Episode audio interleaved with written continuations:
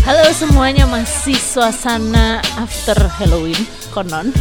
Gue masih terbayang-bayang sama satu film yang abis ditonton. Gue nggak berpikir bahwa Halloween gue harus terlibat sama salah satu kehororan dan kengerian yang orang-orang lain pada lakukan gitu. Cuman waktu itu gue cukup terjebak, terjebak, terjebak enak gitu untuk nonton.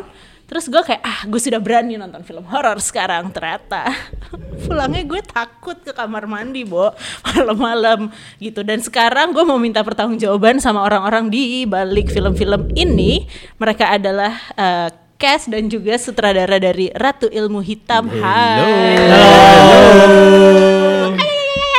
Kok ceria ya ini? Gue tidak merasakan ada kesuraman apa seperti yang waktu itu kalian hadirkan. Oke, ulang, ulang, gitu. ulang. Halo. Lancar. Nah, ini ya hardcore metal nih. Ada Kimo Stambul, Halo. Hana Al Rashid, Aryo Bayi dan juga Julio. Halo. Sekian.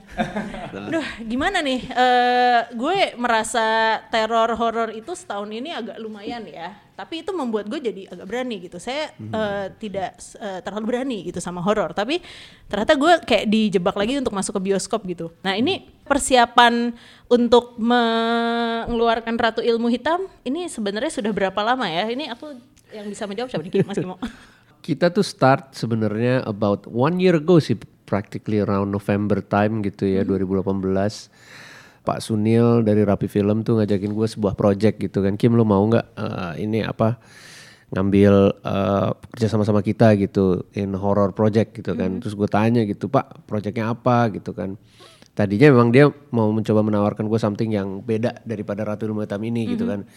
Terus eh gue mulai kayak kayaknya lo banyak library nih pak gitu yang kayak pengabdi setan dan segala macam yang old classic gitu yang maybe gue bisa lihat nggak gitu kan. Nah akhirnya dia cari-cari terus dia lihat Kim lo pernah denger Ratu Ilmu Hitam nggak? Gitu kan. Ah Ratu Ilmu Hitam itu yang mana ya? Gitu. Kayaknya gue setelah mikir-mikir gitu which one is that? Gitu. Terus eh, akhirnya gue coba cari filmnya nah, ada di YouTube juga terus oh man ternyata nih filmnya gue pernah nonton sih waktu kecil nih kayak gue lupa lupa inget gitu kan. And ada salah satu adegan yang quite significantly traumatic gitu ya buat lo sebagai anak kecil untuk nonton itu gitu. Dan wah ini dia nih. I think this is the the one yang yang yang quite classic yang gue pernah nonton nih gitu kan. Dan ternyata the whole film of the Ratu Ilmu Hitam itu is very different yang tahun 81 nih dari film uh, horor-horor yang zaman dulu pada susana yang lain gitu kan ya udah akhirnya gue bilang ah man kalau misalnya ini beneran mau kayak pengabdi di reboot gitu atau di di remake gitu I think thi- this something yang I would love to do gitu loh. Karena memang genre-nya yang dalam situ tuh campur-campur gitu loh. So practically from that on Desember kita uh, mikirin siapa sih yang terbaik nih untuk kita menulis Ratu Ilmu Hitam ini. And definitely one of the choicesnya yang pertama juga adalah si Joko gitu Bang Joko, oke gue bilang, men, gue nggak tahu nih dia mau ataupun dia bisa apa tidak. Karena pada saat itu dia lagi sibuknya super sibuk banget dia. Dan ternyata kita ketemuan, kita ngobrol, ternyata emang Ratu Hitam itu yang dia suka banget gitu loh filmnya. Dari kecil juga gitu kan karena dia juga udah suka nonton film itu. Jadi something yang uh, dia passionate about gitu. Akhirnya dia mau meluangkan waktu di kesibukannya dia yang berapa project film itu untuk menulis ini gitu loh wah gue seneng banget gitu men. Akhirnya gue bisa collaborate sama Joko gitu. Karena kan dari dulu sering ketemu sering ngobrol dan segala macam tapi kita nggak pernah collaborate in real making a film gitu kan. Ya udah akhirnya kejadian udah mulai nulis nulis nulis nulis draft draft draft. Bulan April ya sob ya? Iya April Mei kalau nggak salah. Dan next thing you know we are already on the set gitu untuk oh first day of shoot of Ratu Ilmu Hitam about a week eh a week a month, sorry satu bulan gitu. Tapi dulu nontonnya umur berapa tuh inget gak? Yang Wah. versi 81. versi 81 itu umur berapa ya gue ya? Gue nontonnya sih eh, sekitaran maybe 87 gitu eh, maybe 90 kali tahun 90-an malah gue nontonnya. Yang lain ada yang nonton juga nih? Sewaktu itulah sebelum akhirnya diajak pernah punya pengalaman nonton film-film horror cult klasik itu.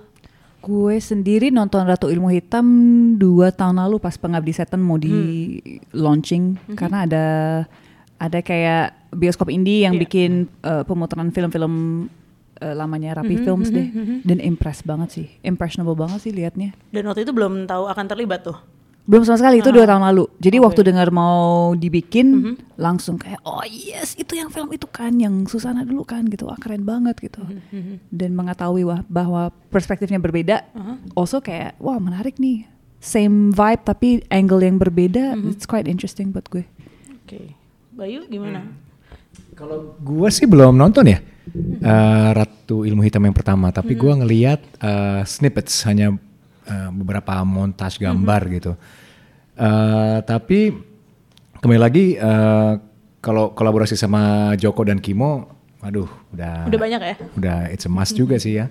Jadi ya itu sih, jadi seneng seneng juga bisa ikut partisipasi di di project ini. Nah kalau yang paling muda nih mungkin ya, apa yang lo bayangin ketika ini adalah remake filmnya Susana gitu. Kalau dulu nih mungkin yang angkatan eh, 90-an gitu, bayangkan Susana it's all about horornya tuh antara dua gitu. Horor yang horor berdarah-darah atau yang esek-esek gitu. Karena gue pernah mengalami juga nonton. Nah begini ceritanya waktu itu nonton di Kino Forum kira-kira er, ya 2010 mungkin ya. Adalah satu bulan di mana dia muterin semua filmnya Susana. Namun kadang-kadang kita tidak tahu film yang manakah yang horor banget sama horor yang plus-plus gitu. Nah ternyata yang gue pilih waktu itu kayaknya eh, bernafas dalam lumpur dan itu kayaknya yang Oh. esek-esek tuh. Iya, Jadi gue iya, pas iya, masuk, oke. hmm, gue udah siap-siap takut. Oh salah. Inilah gitu, pada saat oke, itu gitu kan. Nah bagaimana mungkin Julia mungkin punya pandangan lain lagi tuh. Mungkin kalau misalnya em, sebelum keterlib- eh, terlibat film Ratu Ilmu Hitam ini dengar eh, Susana refernya ke Ratu Ilmu Hitam karena ikoniknya. Tapi kalau misalnya nonton filmnya belum. Nonton filmnya pas pas lagi mau syuting sih. Mhm. Dan itu memberikan bayangan yang cukup Em, gimana iya, tuh, tentang horor in general mungkin. karena emang eh, jarang suka nonton film horor juga karena takut. Tos Iya. dari jauh. Iya. Jadi Julio takut. Tos. Oh, em, abis itu jadi setelah nonton yang versi pendeknya sih sebelum kita syuting. Nonton versi pendek kayak 20 menit. Jadi ke jadi gimana ya? Jadi kayak oh kita harus buat yang seru nih. Karena yang tahun tahun 81 nya aja ikonik banget. Jadi kayak to be the part of history it's fun. Oke. Ini tadi eh Kimo bilang soal ada trauma waktu nonton itu dulu. Hmm, Nah, kalau gue mau ulik nih ya, kan film lo rata-rata semua ya. lo kayak ngebalas gitu loh. Nggak boleh trauma sendirian gitu kan. iya, iya. Roma harus berjamaah. Iya Harus gitu. Nah, gitu ya. Boleh gak sih cerita sedikit deh gitu? Itu kata-kata yang cukup menarik gitu. Karena orang rata-rata keluar dari bioskop memang outputnya tuh gue takut ke toilet, ngelihat kaca, kalau dibuka, hey ada muncul, eh enggak gitu. Itu kayak dari dulu gue nonton Jelangkung tuh gue ingetnya seperti itu. Terus di jendela. Nah sebenarnya kalau mau mengulik nih trauma-trauma lo menonton yang dulu-dulu film Indonesia, film luar gitu yang sampai akhirnya membuat lo bikin sederetan film yang Who hurt you bro? Who hurt you? Gue dong. What karena you? karena ketertarikan gue apa ya dulu kan ya zamannya eh, VHS ataupun Laserdisc gitu ya dulu ya karena apa ya eh, dulu tuh kalau misalnya emang eh, my parents lagi cabut keluar malam-malam dan segala macam tuh pasti gue ngoprek sih gitu. Gue gue pengen dulu tuh nggak ada man there was no YouTube there was no Netflix there was Yeah, I was there too, even dude. even cable gitu kan. Oh iya you- oh iya gue lupa. Lo waktu itu udah kerja kan jadi ya? Iya, iya, iya. I was I was uh, child laborer, yes. ya gue suka ngoprek aja gitu dan eh, ya supposed to be gue nggak boleh nonton film-film itu gitu kan. Tapi kan is in- interesting enough kayak wah ini gila ini gambarnya keren nih gitu kan. Kayak apa dan ada ininya gitu eh, serem-seremnya gitu. Ya udah gue akhirnya started to watch a lot of horror film. Terus udah gitu eh, yang pada umurnya gue sebenarnya nggak Nggak boleh boleh nonton film ya. itu gitu kan. Kalau yang film Indonesia gue terekspos gue suka banget dulu tuh ada apa tuh yang acara di TVRI itu dulu tuh eh, pokoknya ada ada layarnya meng- memba- mengulas film film Indonesia juga. Oke. Pokoknya ada deh, ada salah satu program tele- di TVRI gue inget banget. Oke. Oh, shit, kok gue lupa ya, gue lupa banget lagi. Padahal di sini gue gue gue almost ada program itu pasti gue tonton gitu. Dan gue suka membandingkan gitu kayak, oh Hollywood tuh kayak begini ya, picture wise gitu. Oh Indonesia udah mulai nih gitu kan. Nah di situ gue tertarik tuh sama judul judul film Indonesia. Terus kadang-kadang juga dulu masih cuma ada RCTI sama TVRI doang kan. Yang bahkan yang waktu TVRI gitu mereka suka menayangkan tuh eh, film-film juga gitu kan. Yang oke this is menarik nih man. This is Indonesian film gitu. Nah memang pada saat itu gue tuh nontonnya emang sendiri gitu loh. Karena kakak gue adik gue tuh udah pasti udah pada tidur. Terus gue cuman di in my own world lah gitu. Gue nonton gitu kan malam-malam ya sendiri. Nah ya pas yang bagian seremnya ya mungkin emang belum boleh sebenarnya nonton film kayak gitu. Jadinya gue kayak teringat sampai detik ini gitu. Oh iya itu cukup serem sih gitu. Jadi ya maybe it's a good trauma in a way gitu loh karena gue bisa mempelajari a lot of stuff gitu ya oh shit oh iya waktu itu gue seremnya gara-gara ini ya gitu Good trauma itu another thing sih ya kalau bisa akhirnya berkreasi dengan segini banyak judul film it's a good trauma gitu. Iya. Dan tapi waktu itu ingat gak sih itu film Indonesia eh, horornya horor hantu tuh. Iya, iya. Seingat-ingat gue ya, it's uh, bits and pieces gitu ya. Kalau gue nonton lagi gue baru kayak oh iya waktu itu kayaknya kayak gini nih filmnya gitu. Apa kalau juga apa namanya tumbuh di antara film horor-horor yang tadi itu esek-esek itu yang mungkin tahun 80 90 atau itu waktu itu cuma esek-esek doang gitu. Ada trauma lain nggak mungkin itu ada jalur yang beda sih kayak Lucunya tuh gue nggak terlalu mengingat yang itu gitu ya. Tapi yang pas tahun 90-an di mana film-film rapi film juga gitu ya. yang banyak film-film itu, tapi itu udah banyak di bioskop gitu loh, film-film itu gitu. Jadi and kita udah agak ag- agak teen gitu ya. Jadi udah lain lah perspektifnya terhadap film-film seperti itu gitu. Ya ada juga sih, cuman ya karena kita udah agak agak dewasa sedikit lah pada saat itu, jadi ya. udah ngerti gitu. Tapi waktu kecil emang gue teramat terekspos juga to- towards film-film yang ada di di depan di bawah TV ataupun di ini gua gitu. Oke, menarik. Gitu. Nah, Hana, nih lo ikutan juga di VHS yang se- segmen itu bener gak sih? Kalau Yes. VHS sama too. itu kejadiannya gue takut nontonnya, jadi gue cuma melihat oh ya nih mau tayang di sini. Harus Tapi nggak tapi nggak tayang di Indonesia. Iya, tapi eh, apa namanya di itu dia di apa namanya kompilasi omnibus ya waktu itu barengan sama yang omnibus. Film-film lain. Terus juga em, Night Come for Us.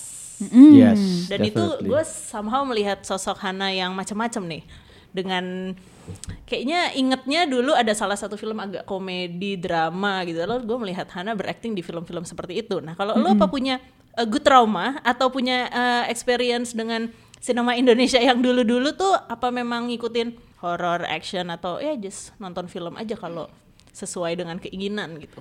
Gue sebenarnya karena gak besar di Indonesia, gue besar di London. Dan I love Indonesian cinema. Karena bokap gue selalu bawain pulang ke London tuh VCD atau DVD film Indonesia. Dan karena gue waktu kecil jarang banget ke Indonesia, one of the ways that I experienced Indonesia was through its films gitu. And I freaking love them gitu. Mau dari jelangkung, yang horor, yang Ya, traumatic banget buat gue waktu nontonnya, atau yang romcom kayak 30 hari mencari cinta, like I love all kinds of Indonesian films dan waktu gue pindah ke sini dan akhirnya kerja di sini, ya gue juga senang banget mengeksplor all these different genres sih, makanya komedi ada, horror ada, action ada. Kalau trauma sih um, I think I think everyone has every setiap orang lah punya trauma tersendiri gitu. Dan mungkin eh, di film inilah yang gue harus benar-benar mengeluarkan itu sebenarnya emotionally, mengingat lagi all of those traumas. Tapi Yeah. kalau specific traumas banyak ya. banyak yang lain ya horor-horor yang lain banyak banyak. Tapi menarik ya kalau di sini kan eh, apa namanya eh, Hana boleh cerita dikit deh gitu. Ini eh, perannya di sini kan eh, mungkin banyak orang yang terakhir mungkin melihat di Aruna. Sebelum eh, ada juga yang Gundala dan sebenarnya banyak sih ya. Cuma nih kayak orang melihat Hana dengan banyak eh, apa namanya karakter gitu. Nah yang di sini apa yang menurut lo akhirnya kayak oke gue akan gue harus ikutan di Ratu Ilmu Hitam ini. Wah, pertama gue harus ikutan karena ini eh, Kimo sama Joko sih gitu. Dan eh, iya bro, amplop nanti ya bro. Tapi em, waktu itu sebenarnya gue lagi di London. Oke. Gue lagi, gue tahun lalu sempat agak lama pulang kampung gitu. Dan waktu Stanley casting director kita message, gue kayak, aduh ini menarik nih Ratu Ilmu Hitam yang Susana dulu. Iya, tapi perspektifnya berbeda. Oh crap, this is gonna be awesome. Gue agak menyayangkan kalau gue nggak bisa pulang Ya, untuk ya. itu. Dan waktu baca skripnya, makin excited karena gue ngerasa kayak the I think a challenge buat gue di setiap film itu adalah mencari karakter yang memang berbeda dari yang gue pernah mainkan sebelumnya gitu. Gue nggak pernah mau do the same thing again and again and again. Gue takutnya gue nggak bisa belajar dari situ. Nah karakter Nadia ini buat gue sangat berbeda dengan yang gue pernah main sebelumnya. Jadi I take it as a learning opportunity juga untuk try something different.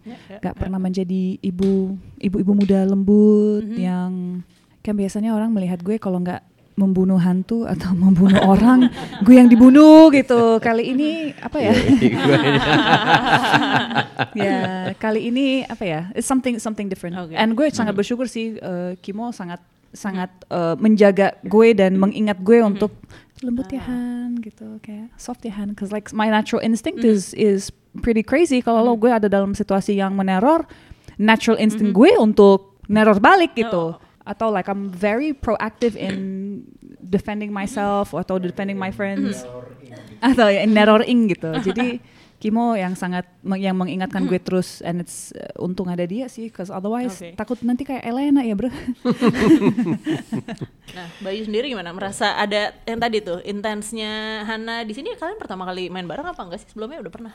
Kita dulu Di- uh, Half Worlds pertama kali. Terus kedua uh, Buffalo Boys. Buffalo Boys. She did an amazing job juga in Buffalo Boys waktu itu karakternya. Dan dan ketiga ini. Terus langsung jadi suami istri deh. Tiba-tiba Bim Sal Bim Pem punya tiga anak. Wih. Asik. gampangnya bikinnya Ah, ah. makanya kalau mau bikin anak main film. Langsung ya prosesnya lama. Hmm, Gak lama. Sebulan. Sebulan. Sebulan. Mungkin ceritain deh nih orang ada yang udah lihat trailer, ada yang belum. Mungkin ini sebenarnya cerita dari tadi udah bilang gitu. Ini beda sama yang di eh, dulu gitu. Beda-beda. Mungkin bisa cerita nih ya. Ceritanya tuh eh, seberapa beda sih gitu. Mungkin di luar sana teman-teman udah ada yang nonton karena film yang tahun 81 tuh kalau nggak salah juga udah eh, apa namanya sempat diputar ya di beberapa tahun tadi juga bilang ada di YouTube gitu. Jadi sebenarnya seberapa jauh sih bedanya si cerita ini sama yang lama? Beda sih. Maksudnya uh, it's quite different in a way uh, untuk apa ya? uh, sudut pandang dari ceritanya sendiri gitu karakter karakter uh, kalau misalnya tahun 81 we see that uh, si Susana ini perkembangannya dia di mana dia akhirnya apa berguru terus mempunyai ilmu hitam dan mulai ngerjain orang-orang dan segala macam mempunyai sebuah dendam yang yang dia tidak bisa lepas gitu. Dan uh, perspektif ceritanya itu dari sudut pandangnya si Murni ini Susana. nah sedangkan kali ini kita agak dibalik nih.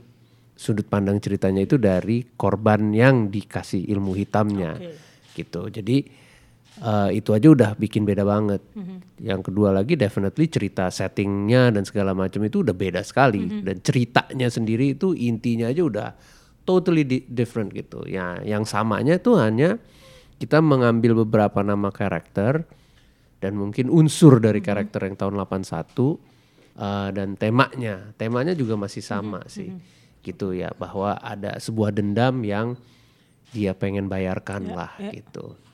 Gitu. Jadi itu yang yang membuat persamaan yang menurut gue cukup menarik ya. Joko nulisnya benar-benar karena itu juga jadi sebuah bahan diskusi banget sama antara gua Pak Sunil sama Joko gitu. Kita bertiga eh, ngebahas gitu gimana sih caranya kita bisa mengcater penonton sekarang gitu loh. Jadi kalau dari cerita yang 81 maybe at that time itu cerita seperti itu sangat dekat sekali gitu loh. Nah, kita harus mencari nih apa yang bisa dekat sama kita gitu.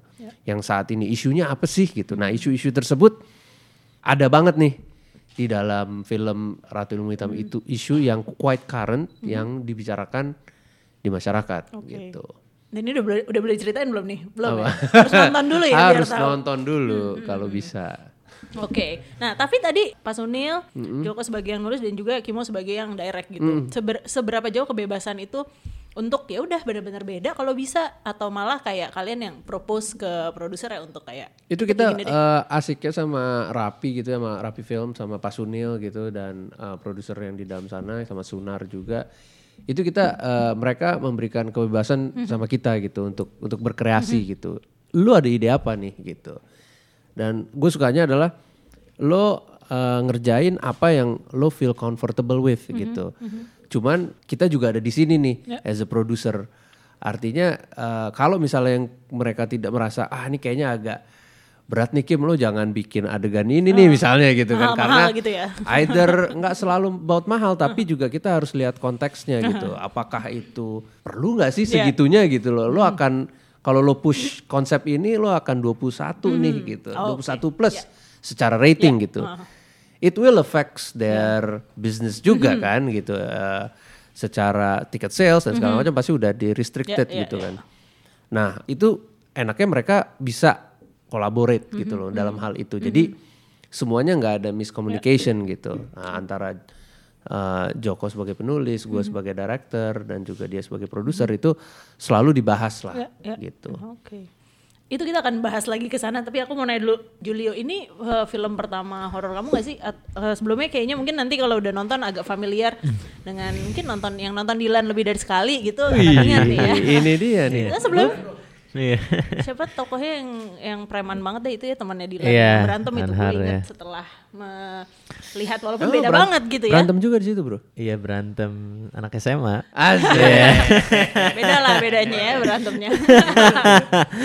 gitu. Mungkin lo inget-inget lagi, Bay, waktu lo kayak 30 tahun yang lalu. 30 tahun, Bro. Parah lo. Tadi katanya tahun 81 soalnya sudah gitu. Gue belum lahir lagi 81. Gue tuh masih uh, late millennials. late late late late gitu ya. Iya, jadi gimana? Eh, ini horor pertama gak sih? Betul. Ini film horor pertama. Mhm. Dan ketika mendapat karakter eh, nama karakter kamu siapa ya di situ aku ingat Eh, di sini. adegannya Ah, di sangat si- teringat gitu. Di sini nama karakternya Hasbi. Dan itu pas tahu "Wah, lo harus kayak gini nih. Ada Sebenarnya dari awal nggak kepikiran ngambil horor karena kayak em, kayaknya gue nggak bisa deh ngambil horor karena em, ruang gerak gue yang kadang eh ruang gerak yang kadang terbatas ada kalau misalnya kesamaan di film ini Julio dan Hasbi punya ruang gerak yang sama jadi pertama kali baca skrip dari film Ratu Muetam ini yang kena yang ditakutin dari tadi mau ngambil film horor ternyata ada di sini oke. Iya, jadi kayak keluar dari comfort zone, lumayan seru dan belajar banyak banget sih di sini dengan eh, tim-tim yang seru, fun. Eh, jadi bisa ngelihat cara kerjanya. Oh, yang udah lebih duluan-duluan gimana cara approach dalam masuk ke dalam karakternya, cara Oke. Gak boleh sensor ya. Senior maksudnya. Untung Jul, lu ngomong gitu. Kemarin Zara, iya uh, kesenangan banget kalau kerja sama sama yang senior senior. Uh, kau ini kan lebih enak main yang udah duluan duluan. Walaupun ada jeda ya, ada kayak yang Mikir sudah dulu gitu ya. duluan duluan. Bagus. Good, Bro. Good. Iya, jadi challenging, challenging dan seru sih, fun karena eh, sebuah hal yang baru untuk dirasain. Mhm, Mungkin pengen cerita gimana eksplorasi waktu harus nih adegan yang, Yang ada mungkin di- itu jadi salah satu yang di luar comfort zone kamu gitu. Iya, yang ada di trailer tuh sebenarnya salah satu adegan yang Yes. Staples. Aha. Itu sebenarnya em, karena itu yang ada di kepala dari awal baca skrip, jadi kayak aduh nggak bisa ngaco nih. Jadi mungkin mau coba approach yang beda karena anxious juga karena ini film horor pertama dan em, secara latar belakang karena ini anak panti asuhan, jadi kemarin sempat research ke panti asuhan juga dan akhirnya em, mau coba dengan cara yang baru sih untuk, untuk nanganin anxiousnya itu. Jadi kayak cuma ngebayangin ngebayangin kayak nggak mau mungkin latihan-latihan terus akhirnya jadi kayak udah jadi sebu- kayak latah gitu in a way. Oke. jadi langsung dieksekusi akhirnya jadi muncul ketakutan. Pas di adegan itu yang cukup baru. Itu kalau tadi lu bilang latihan lu nggak latihan itu sendiri kan untuk menghadapi gitu. Karena pengen tahu gitu kan tadi udah belajar dari yang sebelum-sebelumnya gitu. Nah, ketika udah di set baru tahu nih kayak gini ya lo harus melakukan dengan seperti itu gitu. Karena eh, jujur nih waktu gue lihat adegan itu gue teringat sama satu film luar mungkin beberapa bulan yang lalu adegannya agak aduh ini tuh disturbing banget gitu kan. Dan uh, filmnya Kimo yang kita juga tahu uh, sangat disturbing tentunya gitu setiap lo kayak nggak dikasih nafas untuk oke ini udah agak reda. Oh tentu tidak gitu kan. Nah itu lo sejauh mana mengeksplorasi bagian itu? Karena menurut gue itu cukup intens sih uh, scene lo itu. Mungkin attach and detach gitu kadang suka kayak gitu. Jadi kayak em, kayak diambang. Iya dia ah, diambang kesadaran gitu. jadi kayak gi- eh, bilang attach and detach ya cuma gimana bingung agak bingung sebenarnya cara ngejelasinnya iya jadi kayak eh, mungkin lebih ke ngerasain apa hal-hal yang baru karena dibantuin dengan set yang cukup unik. Jadi kayak lebih berasa ke blend dengan atmosfer yang dibuat secara set dan lain-lain aja paling kayak gitu. Waktu itu kayak closet atau lumayan banyak orang pada saat karena lo kalau nggak salah eh, ada yang sendiri kan sampai akhirnya sih yang ada anak kecil yang ada di sini itu juga Iya, gitu. iya. Em, yang itu lumayan sih. Em, yang di dalam ruangan situ tergantung shotnya. Kalau misalnya ada kadang rame, kadang sepi. Tapi itu lumayan sih. It's fun. lo penasaran kan gimana tuh ya gue juga ya itu hal yang baru banget sih. Karena kayak ya mengalami rasa takut sendiri. Oke. berapa take tuh waktu itu ingat gak? Wow, baik banget. Banyak banget. Parah. itu parah banget. Sampai habis tenaganya gitu mas. jadi ternyata bukan cuma film action saja untuk latihan fisik ya Ah, fisik dan mental Aha, oh yang ini pasti. double ya Heeh. Terutama gitu. Nah mungkin mau cerita waktu proses syuting juga nih ya karena dengan itu tuh syuting di mana sih? Di Cirebon. Oke. Dan eh, apa namanya ada apa namanya nih ketika hunting tempat itu sendiri ada spesifikasi yang kita pengen nih ada kayak gini gitu atau apa? Ya so, so far sih uh, kita mencoba mendekatkan deskripsinya towards the script ya. Karena di scriptnya kan mendescribe house-nya seperti apa, kira-kira besarannya seperti apa dan uh, macam-macamnya itulah gitu. Nah kita mencoba untuk uh, mencoba, mencoba mencari satu location yang bisa mengcater itu gitu. Oke. Karena gua nggak ada nggak pun- mem- mempunyai kebebasan untuk ya udah kita desain aja terus kita bikin di studio gitu. No, I don't have that ya. luxury gitu untuk di project ini kan. Jadi we have to find the, the the perfect house for for this one gitu. Nah itu kita eh, ketemu akhirnya di luar Jakarta Oke. di Cirebon. Gitu. Tadinya kita udah ke Sukabumi ke Jawa Barat ke daerah-daerah yang lain gitu. Tapi kita ketemu nih satu nih ini kayak tepat nih yang di Cirebon ini gitu. Dan ternyata memang rumahnya cukup tua ya. Jadi eh, tahun 18 sekian lah 18 17 gitu. Ya itu pertama kali kita masuk gitu kayak wow this is unik ya. House-nya kok ada bentukannya agak sesuai dengan yang kita ada di gambarnya gitu. Tapi tetap aja dengan yang udah kita ketemu itu masih kurang juga gitu kan. Kayak ah gila nih kita kita nggak ada ruangan ini nih gitu yang di deskripsiin di dalam skrip. Akhirnya ternyata di sekitaran situ karena itu sebuah area kompleks gitu banyak rumah-rumah yang ditinggalkan juga rumah-rumah tua dan dalam kondisi yang baik juga akhirnya kita pilih salah satu rumah tua juga di situ gitu loh. Itu menjadi domainnya the kids lah. Every everything yang the kids uh, lakukan itu akan ada di situ gitu. Dan ya waktu yang contohnya gitu ya yang waktu adegan Julio memang eh, kita nggak punya ruang gerak karena ruangannya juga nggak terlalu besar gitu. Jadi emang everybody have to go out gitu when we take gitu. Karena we gonna do 360 shot lah. Lumayan atau 180 shot gitu ya. Jadi memang nggak terlalu banyak gitu yang ada di dalam situ gitu. Ya itu membuat ruang gerak aktornya juga to explore kan. We build a lot of stuff juga di situ gitu loh. Jadi ya lumayan lah kerjaannya. Ada special effect special effect atau CGI yang mungkin tadi kan dibilang wah ini perlu nggak sih segini? Mungkin lo pengennya gimana? Gitu ya. Tapi ternyata dengan seperti itu udah cukup cukup memenuhi dari yang skrip juga gitu. Mungkin boleh diceritain Bu, proses banyak lah gitu ya. kayak ya kita sebenarnya kan handling with different type of serangga ataupun animals yang lain itu kan. Itu tuh kadang ada yang bisa kita tahu gitu oke this is CGI ini could work nih. Ada juga yang kita pikir ah ini kayaknya harus beneran deh gitu kan. Ya kayak gitu-gitu ya tuh menjadi eh, apa ya eh, pertimbangan yang yang quite dalam karena menentukan juga gitu. Kadang-kadang kan kalau misalnya kita contohnya bermain dengan kelabang gitu ya lu begitu taruh kelabang lu nggak bakal tahu. Kita nggak bisa nyuruh dia lu belok ke kiri ya gitu. Karena gue pengennya ya. bentukannya begini nih Ya. gitu. Kan nggak bisa kan. Hal-hal seperti itu udah udah kita langsung agree upon oke kita we have to do this by CGI gitu. Jadi eh, proses eh, keterlibatan CGI dalam pembuatan film ini tuh emang udah dari awal. Kita udah tahu oh this is this is the thing that we wanna push gitu loh. Eh, ya itu sih membuat kita as a filmmaker lumayan sulit ya untuk maksudnya ada ada rintangan-rintangan itu yang kita harus hadapin gitu. Karena once kita pakai CGI ya kita harus taruh ini taruh itu supaya ada reference-nya ini itu dan segala macam gitu. Jadi taking quite a little bit of a time gitu. Tapi juga kalau misalnya kita pakai yang real ones gitu itu bukannya mudah juga gitu kan. Itu juga kemungkinan one take good take aja gitu lo taruh kelabang terus dia bakal jalan ke sana gitu kan. Itu kan nggak nggak gampang Ya, ya, gitu. ya.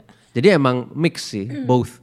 Between CGI dan penggunaan real uh, animals itu juga ada sih di situ gitu. Oke. Nah kalau kalian sebagai cast jijian gak sih? Udah tahu nih akan banyak berdarah-darah, gore dan kayak gitu. Walaupun mungkin nggak, aku nggak tahu ya pas lagi syuting apakah udah langsung terlihat atau justru baru semua ada pas eh, setelah editing. Aku inget banget film ini ke waktu di teasernya adalah si Kelabang itu walaupun have no idea ini ceritanya tentang apa sih gitu. Tapi itu kayak stuck banget di kepala dan setelah itu kayak gebiar Kelabang dan kawan-kawan gitu. gebiar Gebiar. Eh, Kalau kalau gue sih nggak nggak jijian ya orangnya ya. Mungkin gue udah sering main film yang memang menjijikkan kali ya. Jadi udah kayak biasa. Apalagi film-film sama Kimo memang nasib gue nasib gue untuk diteror abis dengan bucket loads of blood Yeah, and yeah. special effect gimana. Jadi gue justru suka. One thing I love about filmmaking is you're able to do things that you would never do in real life gitu. Jadi Oke. gue sangat senang bisa main sama kelabang dan ini itu Iya. sih walaupun gue gak ada yang deket banget ke gue tapi melihatnya aja kayak "Uh, geli tapi nggak terlalu jijik sih. Kecuali shot shot itu tuh yang shot email yang eh, yang dia muntah dan in my mouth gitu. iya oh kenapa Itu sebenarnya kan kita one cuman kayak ada kesempatan one take aja ya buat itu ya nggak karena-. Karena baju gue gak Ah, banyak jadi banyak nih, oke. gitu. Untuk Begitu udah continuity. kena noda Iya, darah kan lo harus ganti lagi iya, kan repot. Jadi itu memang ekspektasi gue sih kalau gue baca di skrip oh it will be on my face gitu. Ah.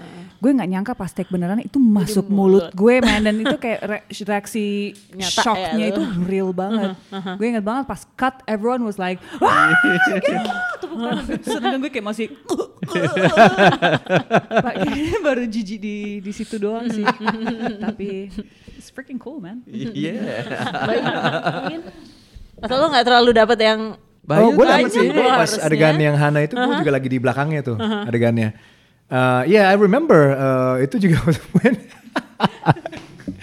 itu nyemprot ke mulutnya itu gila juga sih itu itu Kagetnya real. kaget Kagetnya dan real. sebelum adegan itu kan memang ada ada adegan yang uh, memang kita pakai uh, beberapa yang seperti Kim mau ceritakan kelabang asli dan itu ya butuh adaptasi dulu men gue kenalan dulu sama kelabang-kelabang itu asik Hey kelabang, what's up workshop man? dulu ya. Kita fist bump dulu pertama, terus kita ngobrol-ngobrol. tapi tapi serius men, ada kayak remember that guy? Dia ke, ke- oh my god, ini lucu ya. Ada kelabang. kelabang wrangler. Wih gila, keren banget namanya. ya. Tapi ya dia ada orang yang hobi kelabang dan dia bawa banyak. Dan pertama-tama ya itu kita diintroduce nih men, lu coba pegang dulu. Awalnya ah, I was a bit squeamish. Tapi ya Yeah dude, yeah yeah yeah yeah. Yeah. Yeah, I pegang bro. Yeah. Uh-uh, I pegang. Uh, you kenapa nggak pegang? Pegang yang lain. Tapi memang ini uh, moral the story hidup itu harus punya pegangan. Pegangan betul. Suami memang tai. ya. Eh, ini podcast boleh ngomong-ngomong yang nggak nggak gitu ya? nggak ada nggak ada klasifikasi umurnya. Nggak ada klasifikasi? Ayo, boleh swearing ya? Oke, tapi kita bisa kok mengontrol diri ya. anyway, tapi ya kelabang itu akhirnya kita apa? Gue ya itu, I hold it, terus main-main sama kelabang cu- untuk cobaan get familiar aja. Itu kelabangnya nggak stuck di bulu lo bro. Lo Dikit bro, dikit, dikit, dikit. Ini emang, eh, coba ya, gue pengen mendekatkan bulu gue ke ke mikrofon. Ada suara nggak ya? Nggak tahu, penonton bisa, pendengar bisa dengar nggak tuh ya? Mungkin nggak ya. Tapi anyway ya, eh, eh, yang gua ngelihat sih adegan itu Hana dan yang mungkin lebih sengsara sih Imelda Terin, men. Dia memang fobia banget dengan kelabang itu. Dia kayak Kimo, enggak, Kimo, enggak di dalam set gitu, men. Dia Tapi lihat aja nggak bisa. Iya, men. Dia lihat Dia- kelabang aja nangis. Dia bilang, aduh Kim gila lu gitu. lu janji loh, lu janji. Iya, lu janji lo, gue gak ini loh. Lu janji itu dibuat dari jelly. Kita memang ada jellynya ya, bro. Kimo tuh di Lu ingat banyak janji, banyak janji. Banyak And- janji. And he went against all of Tuh. those janji. Untuk pendengar di luar Iya kan, sana, Kimo Stambul suka janji-janji pada kepada aktris-aktris perempuan yang tidak dipenuhi. Kita Ayo. dikerjain semuanya di sini. Jadi itu nggak jelly ya? Awalnya ada jelly ya, bro. Tapi ada jelly nggak? Atau akhirnya pakai yang real plus? Ada maksudnya uh, apa namanya rep, replika. Replikasi. Kita buat dari buat dari rubber ya, bro. Mainan eh, mainannya ada Oke, gitu oke. kayak eh, cuman ya email emang dia emang nggak bisa ngelihat aja tuh dia bilang aduh Kim gua nggak bisa deh gitu kan.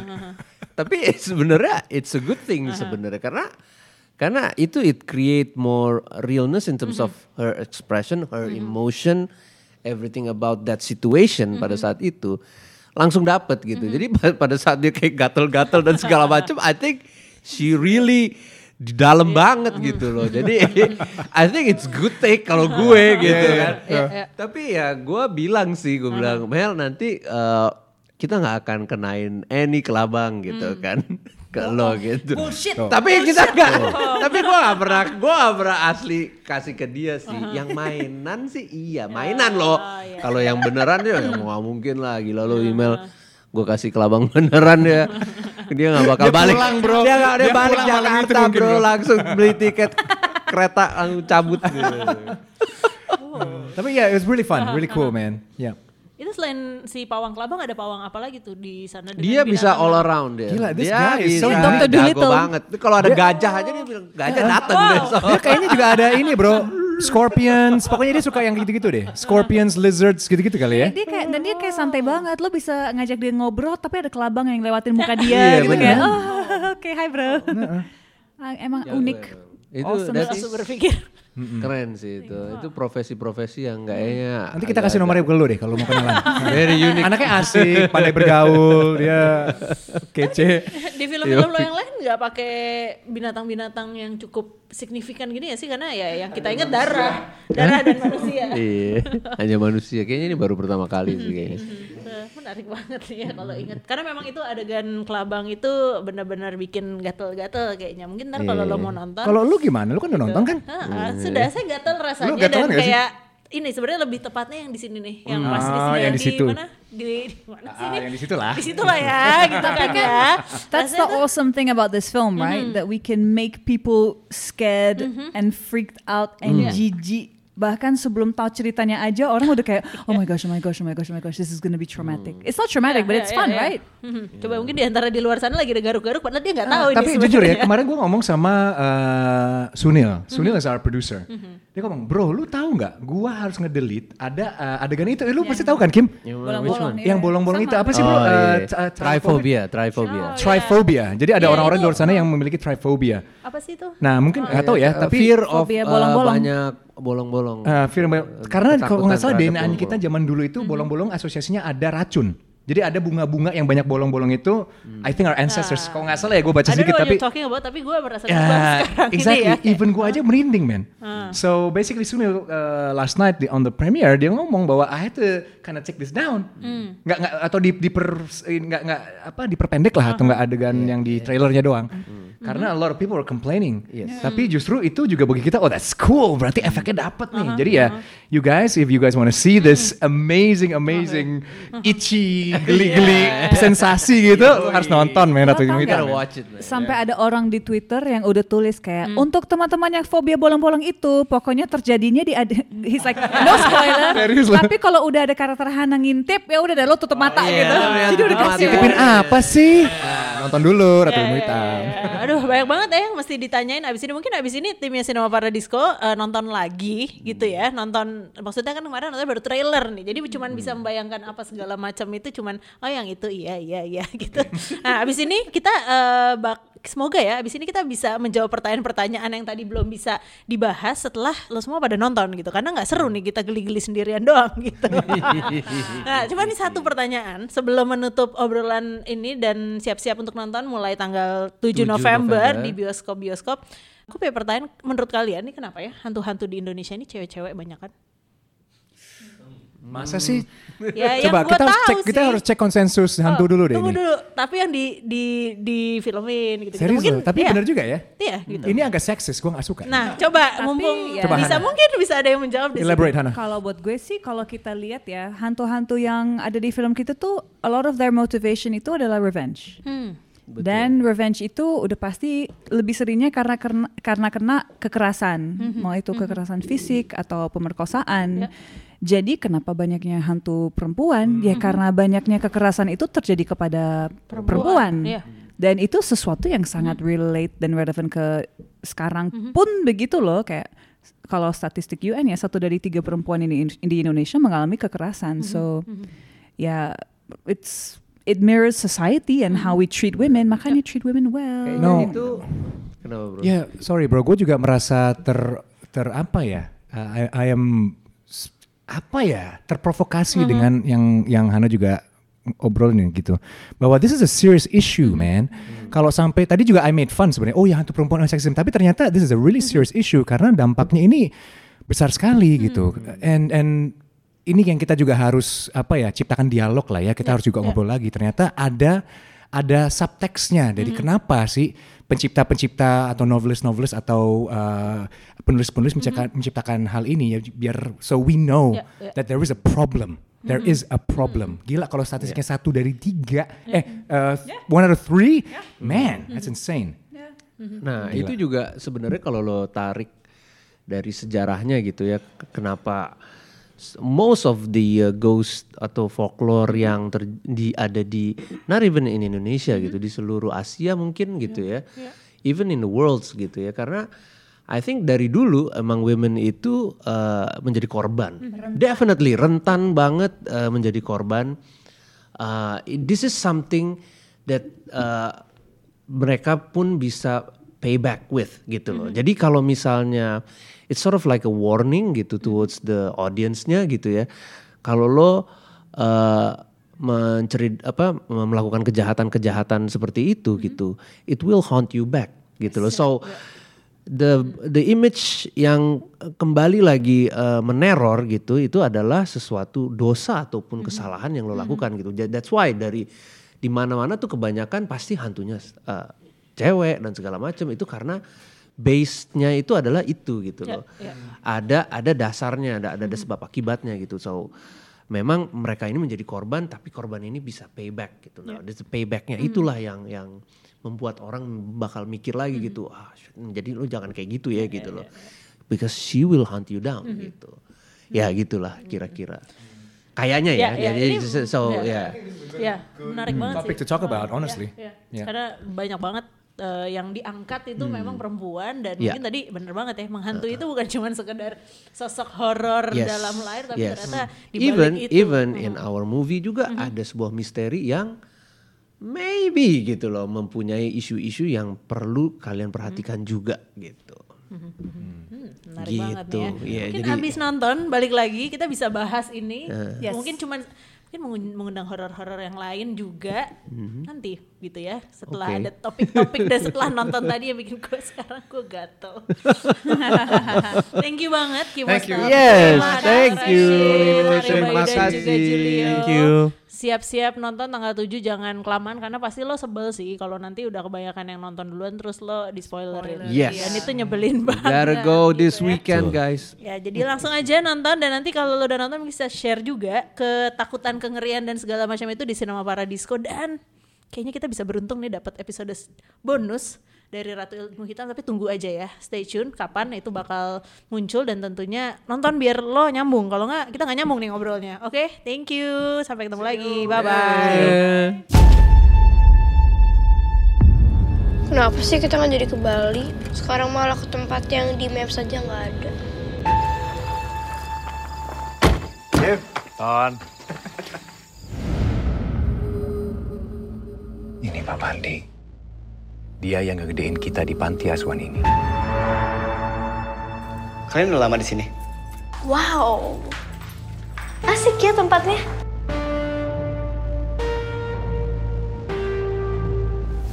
Dulu di sini ada seorang pengurus panti namanya Ibu Mira. Terus Ibu Mira dikurung di kamar ini. Ibu Mira gedor-gedor pintu ini. Gedor kepalanya sampai kepalanya pecah.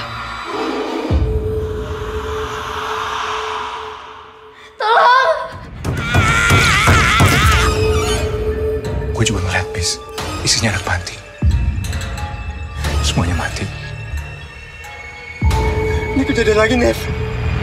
Dia nyerang kita dengan ilmu hitam. Buka! Buka!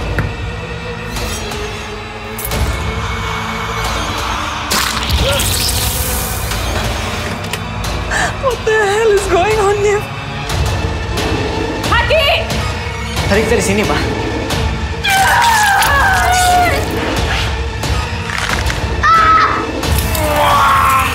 Kamu ngapain, Stop! Lina!